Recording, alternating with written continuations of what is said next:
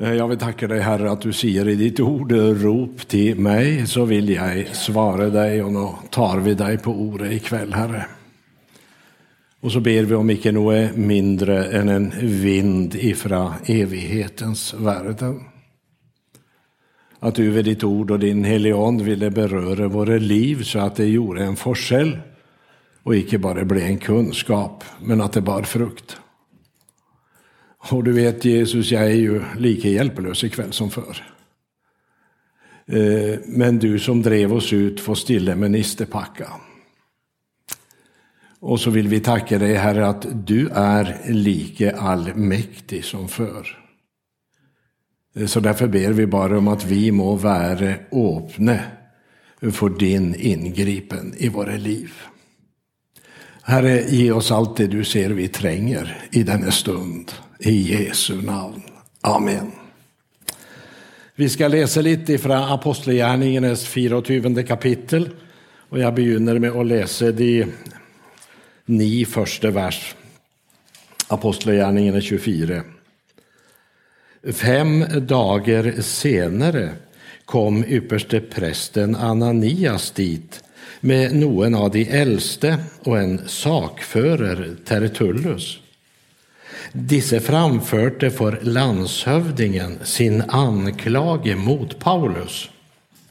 Han blev då kallt fram och Tertullus begynte att anklagen mot han och sa Mäktigste Felix, tacket vare dig har vi fred och ro.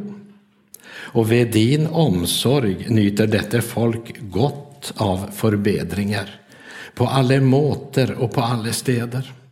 Detta skönner vi på med stor tacknämlighet.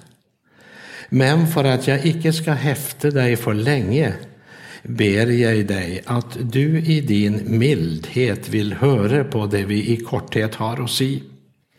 För vi har funnit ut att denne mannen är en pest och en uppvigler bland alla gödene runt om i världen. Han är leder för Nazarenes sekt.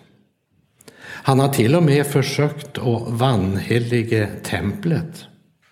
Därför grep vi han och ville döma han efter vår lov.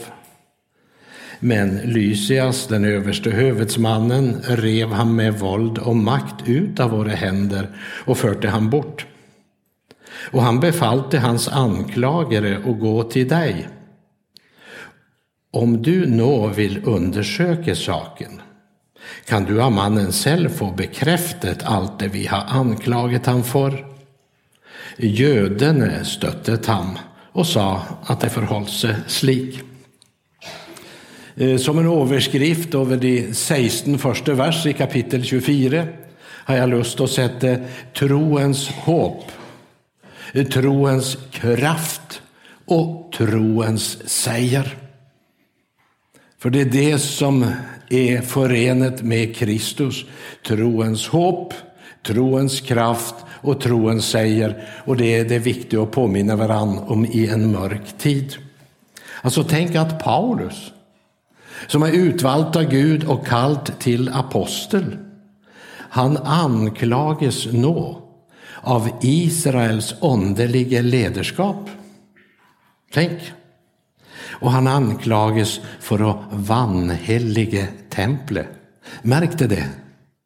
Icke vanhellige Gud, men vanhellige templet. Tänk.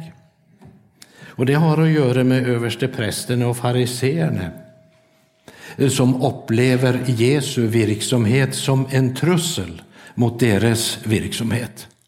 Det vill säga deras andliga verksamhet. Ikke sant? Da skjønner vi at noe ikke stemmer. Når man upplever Jesus som en trussel mot vår virksomhet. Och han anklagas, som jag sa, icke för att vanhellige Gud, men templet. Och Jeg ska ta tid och jeg ska läsa bara här ifrån Johannes 11, 47 och 48. Ypperste prestene och fariseene kalte da rådet sammen och sa, vad ska vi göra? För denne mannen gör mange tegn. Lar vi han hålla på slik, vill alle tro på ham.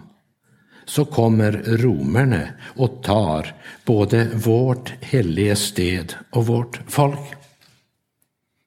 Man är inte rädd för att folket ska bli förfört, men man är rädd för att mista sin åndeliga eller religiösa makt kan du säga.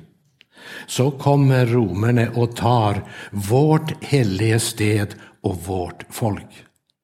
Tänk bara någon generationer tidigare så var det Herrens heliga sted och Herrens folk. Men nu är det blivit vårt. Och därför blir han icke anklagad för att vanhelige Gud, men templet som jag sa. När jag läste det här tänkte jag på det Paulus säger om att vårt legeme ska vara ett tempel för Guds helige ond. Eller vet er icke, säger han, att deras tempel, deras legeme är ett tempel för den helige ond som bor i dere och som dere har fått av Gud. Det är inte rart att de skriftlärde och fariseerna är bekymrade för Jesu verksamhet och Jesu budskap. Tänk om de istället eh, för att förfölja Jesu efterföljare hade satt sig ner och studerat Moseböckerna, profetskrifterna och psalmerna. Alltså de var så studerade och så skolerade. De var så höjt studerat teologiskt. Teologi betyder ju lären om Gud. Men du vet, det betyder väldigt lite hur mycket du är lärt om Gud.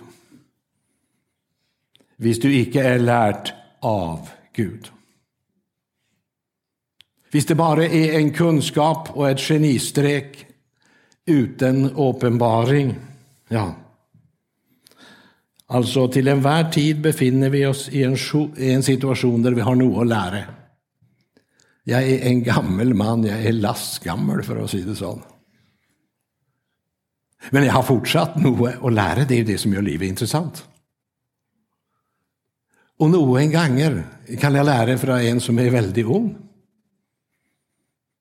En som kanske är ganska ny på vägen och inte har så mycket kunskap ännu. Men så har han läst ett ord som Gud uppenbarte för honom. Och så fick han se något som du icke ser med förstanden egentligen. Och så förtäller han det här. Ja, Kurtsson, du har säkert tänkt på det här. Och då hade jag ju lust att säga, jo det är klart. Jag har varit predikant i 50 år så jag har ju tänkt på det. Men jag hade inte det. För jag hade inte sett det. Jag såg det när han förtalte det. Tänk. Alltså, Gud kan uppenbara något för dig. Du ska be om det när du sätter dig ner med Guds ord, att Gud uppenbarar. Alltså det är alltid något att lära. Stagnation är aldrig i pakt med livets väg, det ska du veta. Och alltså när Paulus förkynner Kristi evangelium, då följer de sig truet. En dag översteprästen Ananias följer sig truet. Och det är ju han och så sakföraren Tertellus eh, som samman med några av de äldste, någon med sluhet och lögn, ska försöka kvitta sig med Paulus. Alltså en som är Jesu vittne och som man vill bli kvitt. Det är slik man jobbar istället för att personligt söka Gud och lära ham och känna själv. Alltså, om du vill leva ett fattigt liv då ska du stå fram och bekänna dig som kristen. Eh, så att du må kutta ut världen. Och dens gläder, eh, den har nog en gläder, världen, den är falsk och varar icke, men dog.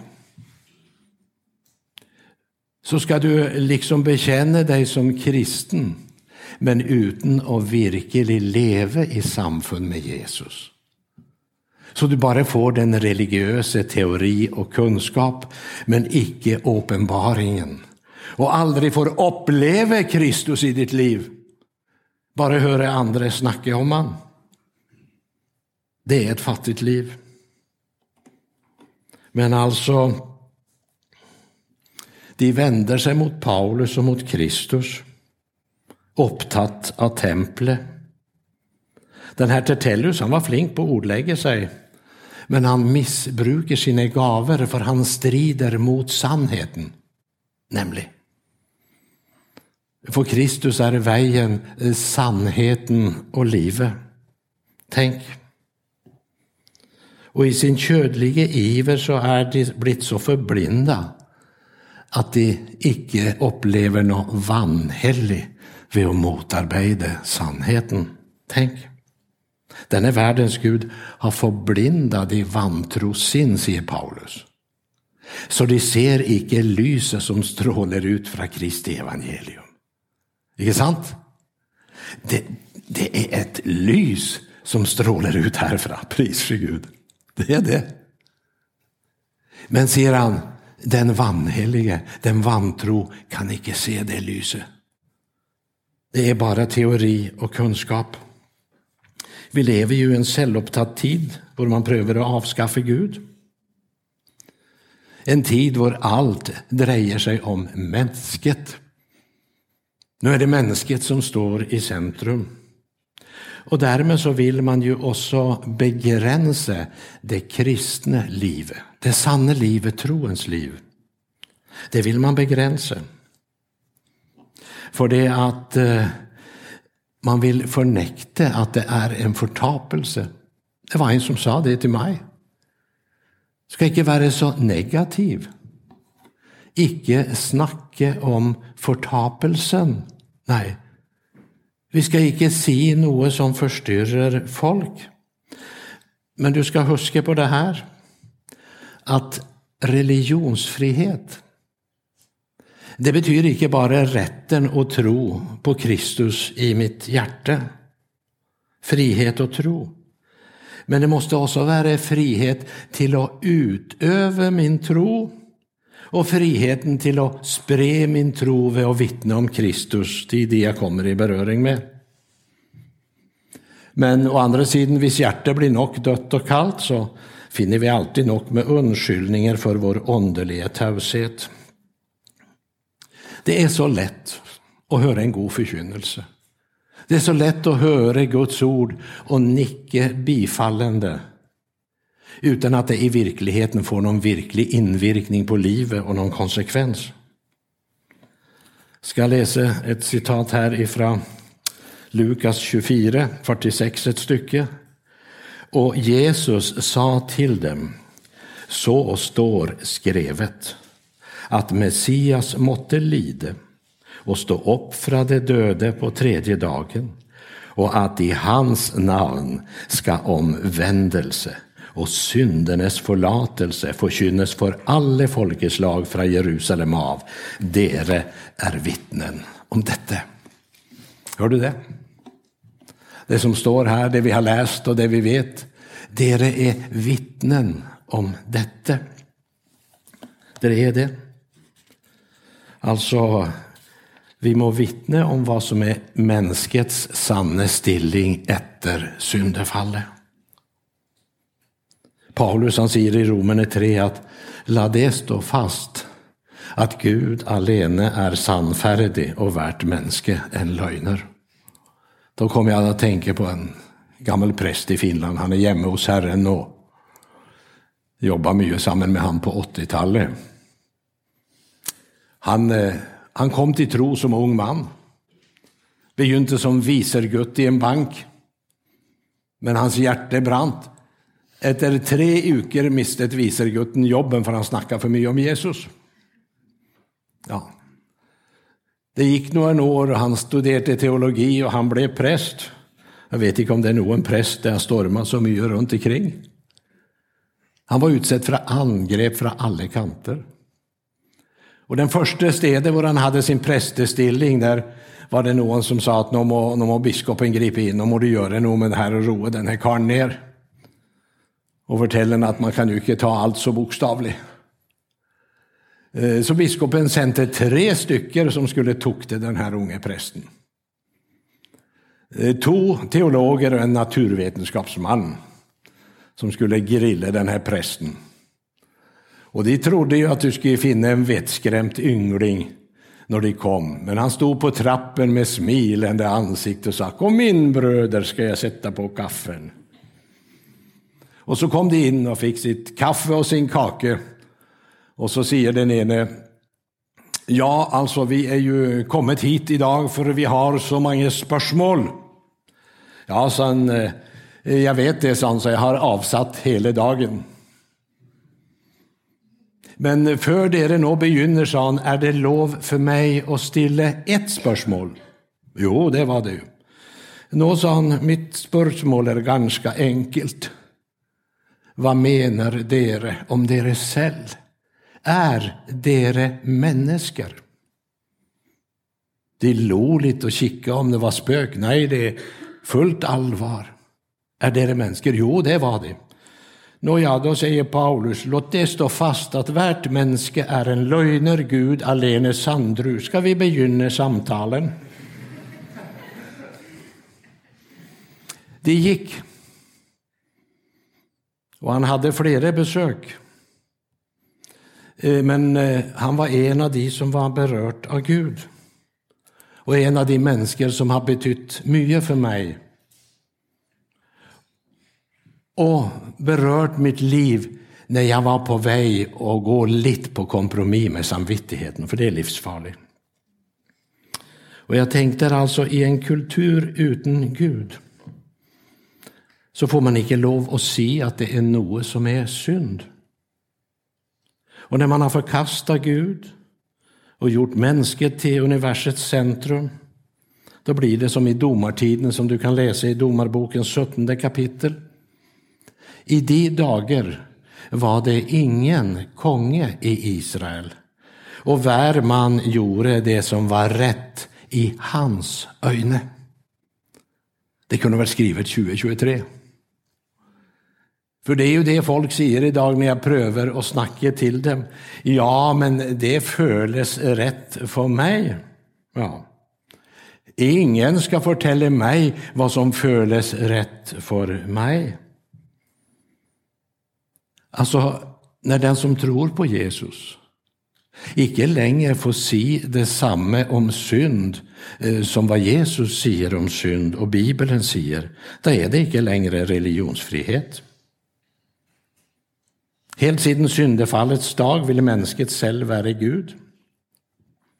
Husker som nyomvänd, det hade varit knappt ett år, så kom jag till Johannes evangeliet och läste att Jesus säger men för det jag säger dere sannheten tror dere mig icke. Och jag trodde det var fel på den svenska bibeln. Jag läste den norska och den danska och den engelska och det stod likt överallt. Jag hade förstått det om han sagt Dere tror mig icke, selv om jag säger sannheten. Men han snor lite på hodet och säger, jag säger sannheten, därför tror dere mig icke. Alltså underförstått, hade jag sagt något annat än sannheten, då hade dere trott mig. Och jag måste säga det, jag tillhör ett fallet människosläkte. Jag har en tendens till att ha lättare för att tro på lögnen än på sannheten. Men alltså, det fallna mänsket vill själv avgöra. Och så mänskets sannhet blir främmet med hjälp av lögn.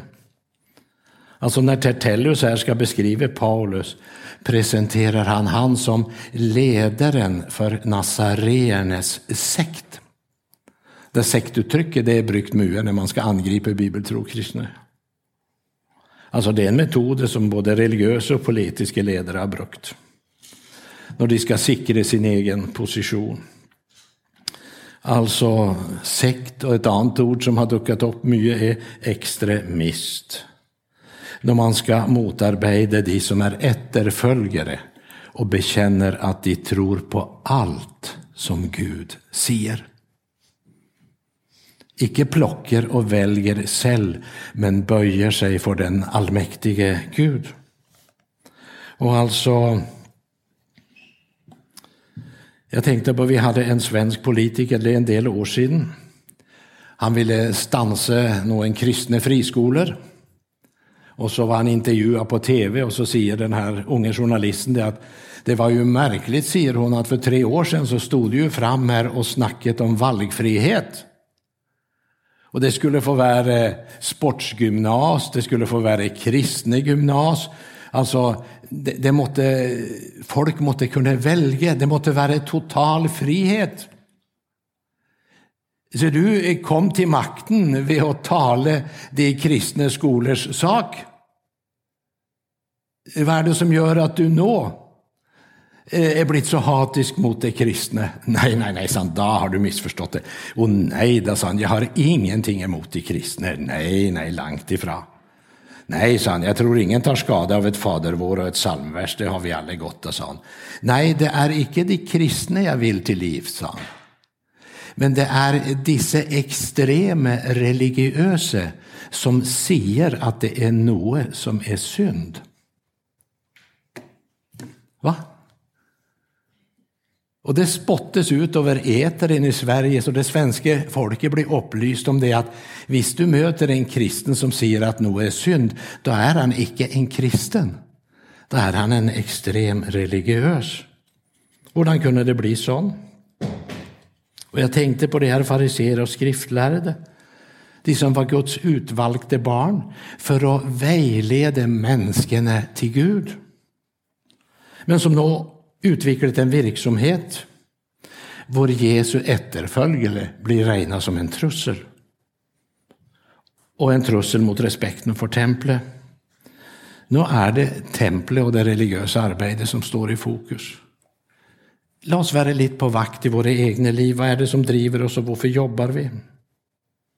Paulus han sier jag tjänar våra fäders Gud slik att jag tror på allt som är skrivet hos loven och profeterna. Och ser du, det värsta av allt det är att de här fariseer och skriftlärde, de trodde att de tjänte Gud. De var så förblinda. De var så upptatt av tradition, regelverk och mänskebud att de mistet Gud och onden och uppenbaringen. Och i sin iver så tror de de tjänar Gud. Och de trodde om sig själv att de väntat på Messias, den utlovade frälsaren. Men till samma tid har de gjort sig en bild av hur denne utlovade frälsaren ska vara, så när han kom kände man han icke igen. Och så blev de upptatt av att vara underliga voktare och mer upptatt av sin tjänst och av templet slik at de ble egentlig bare voktere av ritualer, tradisjoner og menneskebud. Ubevisst så ble det sin egen makt og tradisjon og respekten for det imponerende tempelet som ble fokus. Tenk! När tjänsten for Gud, deres ämbete och makt, förde den bort från sannheten och livet, och därmed från kraften och då blir det religion och kunskap. Jag hade mina sju första år i Frälsningsarmén. Jag hade ju ingen kristen bakgrund. Jag var akkurat färdig med en tvåårig straff när jag mötte evangeliet. Och så ledet med Guds lik att jag hamnat på Frälsningsarméns korps i Robertsfors. Jag var den enaste unge. Jag var 19 år den gången jag kom till tro. Jag var den eneste unge, ellers var de lastgamle, for å si det mildt. Og så etter et års tid var det folk i hjembygda som sa eh, men hvordan kan du gå på Frelsesarmeen? Jag sa, har du vært der? Nei, de hadde ikke det. Ja, men se, kan du vite at det er så galt, da? Nei, vi sa ikke at det var galt, men vi bare lurer på hvordan du kan gå der. Ja, hvorfor lurer det på det? Ja, men det er jo ingen unge der. Va? sa jag. Ja, men hur kan du gå där? Du möter ju ingen unge. Jag skönte inte spörsmålet. Jag sa jag går inte på möte för att möta unge, Jag går på möte för att möta Gud. Och jag blev med dem där. de plejde att gå, så jag fick en liten insikt och skönte problematiken. Ja, och så blev jag så tacknämlig till Gud för de gamla manfolka på Frälsningsarmén som hade nött hål på knäa. Jo, de var gamla, de var det, men de kände Gud. Och de var kvinnor och män som icke bara snacket om Gud, men de ägde åndelig kraft till att sätta mig i personlig förbindelse med Gud. Nämligen, jag fick hjälp och jag blev fört vidare. Vi må be om hjälp hela vägen. Och jag må vara på vakt så jag icke glir in i vilestatus igen. För då blir det virksamhet istället för ydmykt och tjäna medmänniskor. Fariser och skriftlärde, de skulle tjäna sina medmänniskor. Men ser du, de blev lovgivare istället för förebilder. Tänk. De blev herrar istället för omsorgsfulla hyrder. Och därmed kunde de icke längre leda människorna till Gud. De kunde bara upprätthålla verksamheten. Och i en verksamhet som anpassas i förhållande till den politiska situation och det tidsåldern önskar. Och hamnar man där så är det två gröfter. Då hamnar du enten i det strängt religiösa och det är inte säkert att det är ond, Även om det är ett väldigt bastant regelverk. Eller du hamnar i det religiöst liberala. Allt detta är vad som i ögonblicket är mest politiskt korrekt. För man kan inte stöta sig med tidsånden. Vänner, reis oss. las rejs oss. Reis dig Guds menighet, natten är omme. Alltså, kan vill inte stöta sig varken med de som har makten eller de som bringer mycket pengar till templet. Och så blir man nidkär för den läre man själv har format. Och nu är det sektledaren Paulus de ska kvitta sig med. Och alltså, dessa människor tjänar Gud på sina egna villkor. Och de är beredda att göra faktiskt vad som helst för att berga verksamheten med makt. Ja, vi må vara på vakt mot oss själva. Jag må vara på vakt mot mig själv. Jag är väldigt engagerad i någon projekt i Slovakien. Och det är grejt det, men jag må vakta mig så inte det blir en huvudsak. Eh, så det inte blir eh, eh, vårt arbete, vår organisation, vår insats, vår verksamhet Alltså,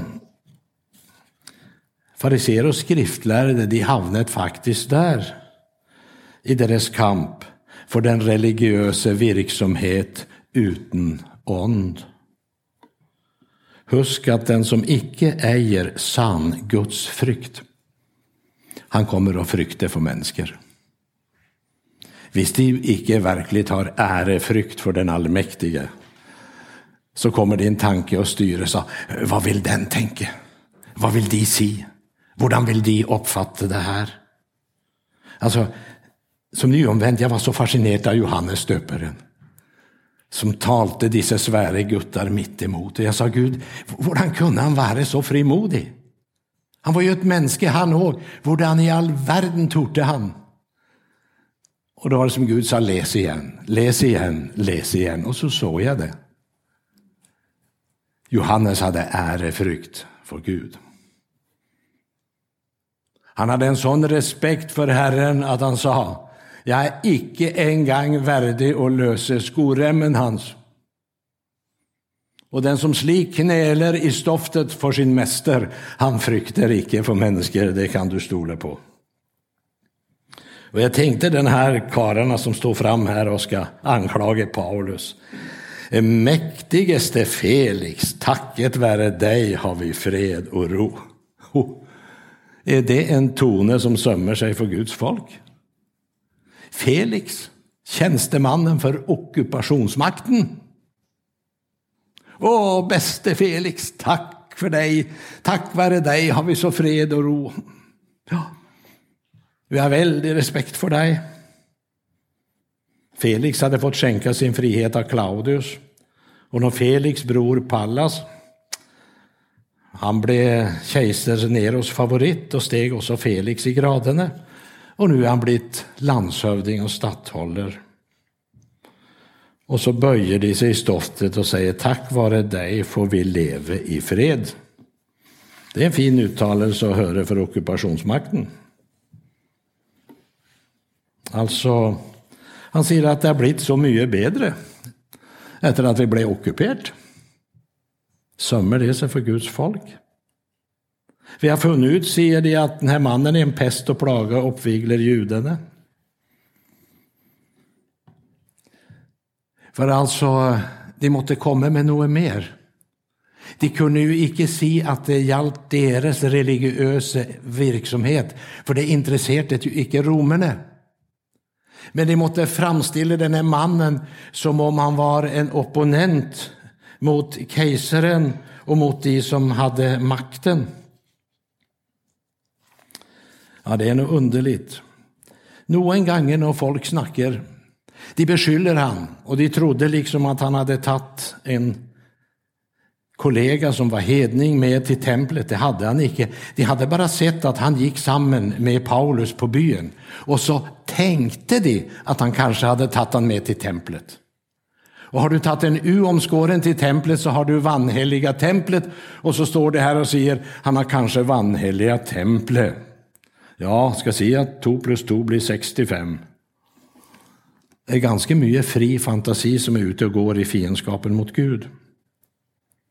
Anklagen var en ren jättning. Och så ber det Felix bruka sunt förnuft på det här.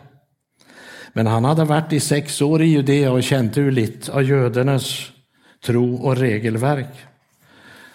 Och medan de står och pöser ut om allt det här så säger Paulus, jag vill bekänna att jag tror på Gud på den måte. Att jag tror allt som är skrivet i Moseböckerna, profetskrifterna och psalmerna. Jag tror på Gud på den måten att jag tror allt Guds ord. Jag har det hopp till Gud, säger han. Och då är vi vid själva kärnan av konflikten. För egentligen var det upprinnelig samma hopp, tänk. Hoppet om frälsaren Messias. Men Paulus har ett levande hopp. Och jag sa det i Aremark igår kväll. Jag är så otroligt glad att jag kan stå här och säga jag har ett levande hopp. Pris ske Gud. Jag har ett levande hopp. Och då tänker jag icke på födelsen här inne, för den kan svinga, det ska jag lova dig. Men jag tänker på det att, vad är det jag tror på? Vem är det jag tror på? Jag ska fortälla det här ikväll, att han jag tror på, han har varit död.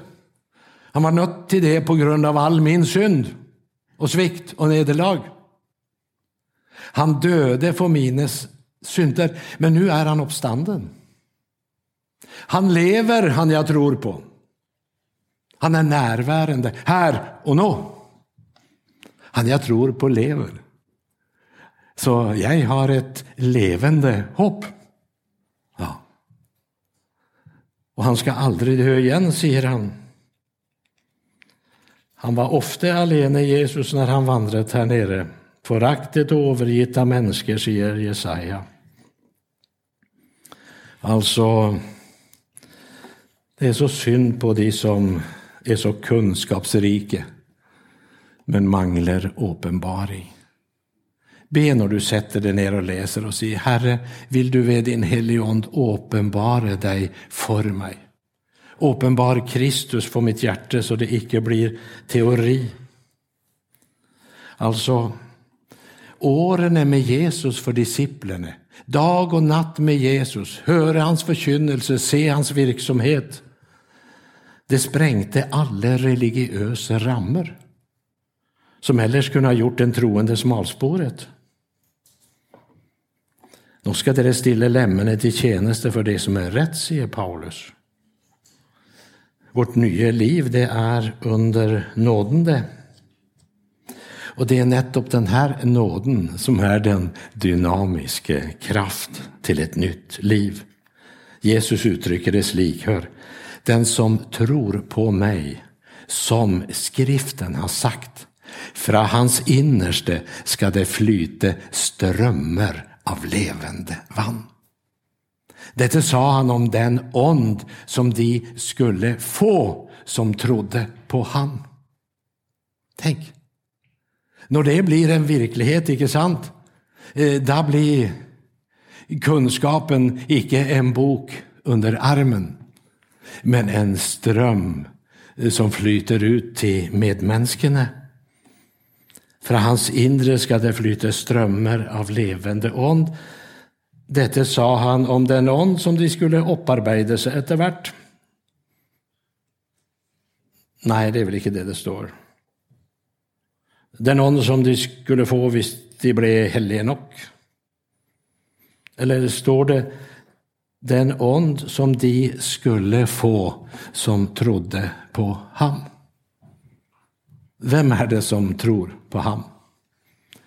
Jo, det är den som har gjort konkurs på allt sitt eget. Den som har försökt det här med troens liv. Försökt med det kristna livet, men fick det icke till.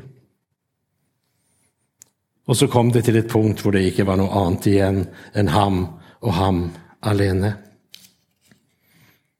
Den som tror på mig, som skriften har sagt, för hans inre ska det flyta strömmar av levande vann. Detta sa han om den någon som de skulle få som trodde på ham. Vet vi vad nåde är? Nåde är ju icke ett nollpunkt till stagnation eller tillbakagång. Men det är det enaste utgångspunkt för ett nytt liv i Kristus. Ett liv i Kristi efterföljelse.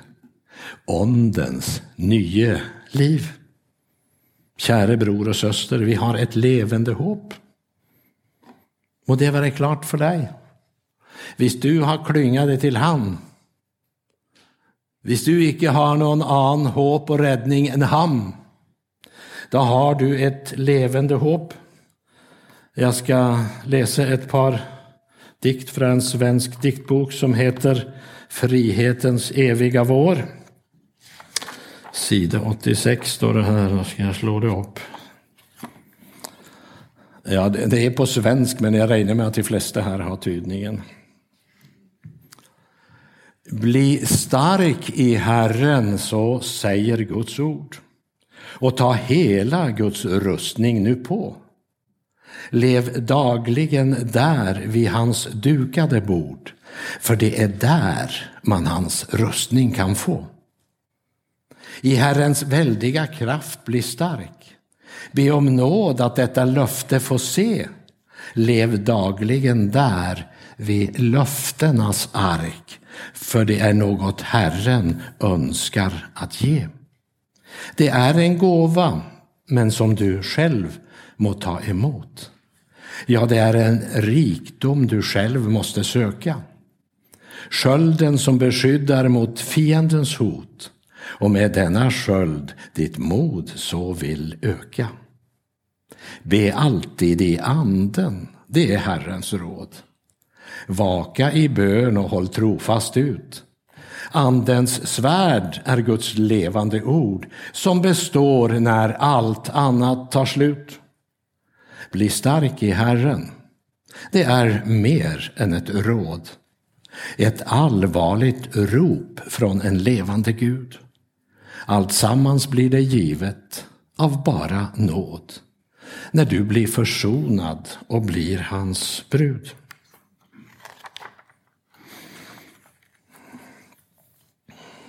Ett strålande fyrtorn.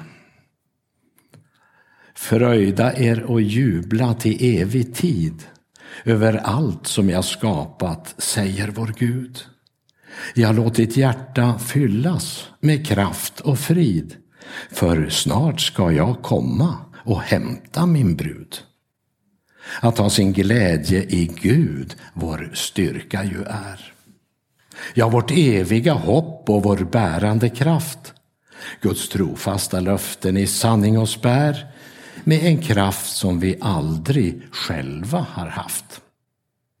Ett strålande fyrtorn i förvirringens tid.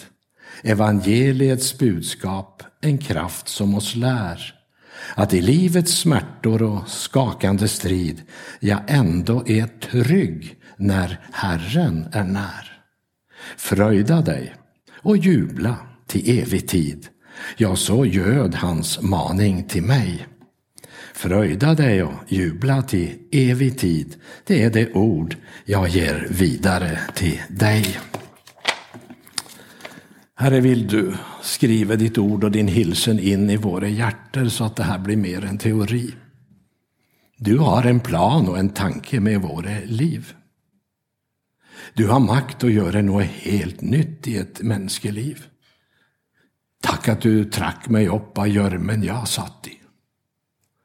Tack Herre att det som politi och psykologer icke grejde på två år, det gjorde du på två dygn. Tack att du kan frälsa den mest förtapte.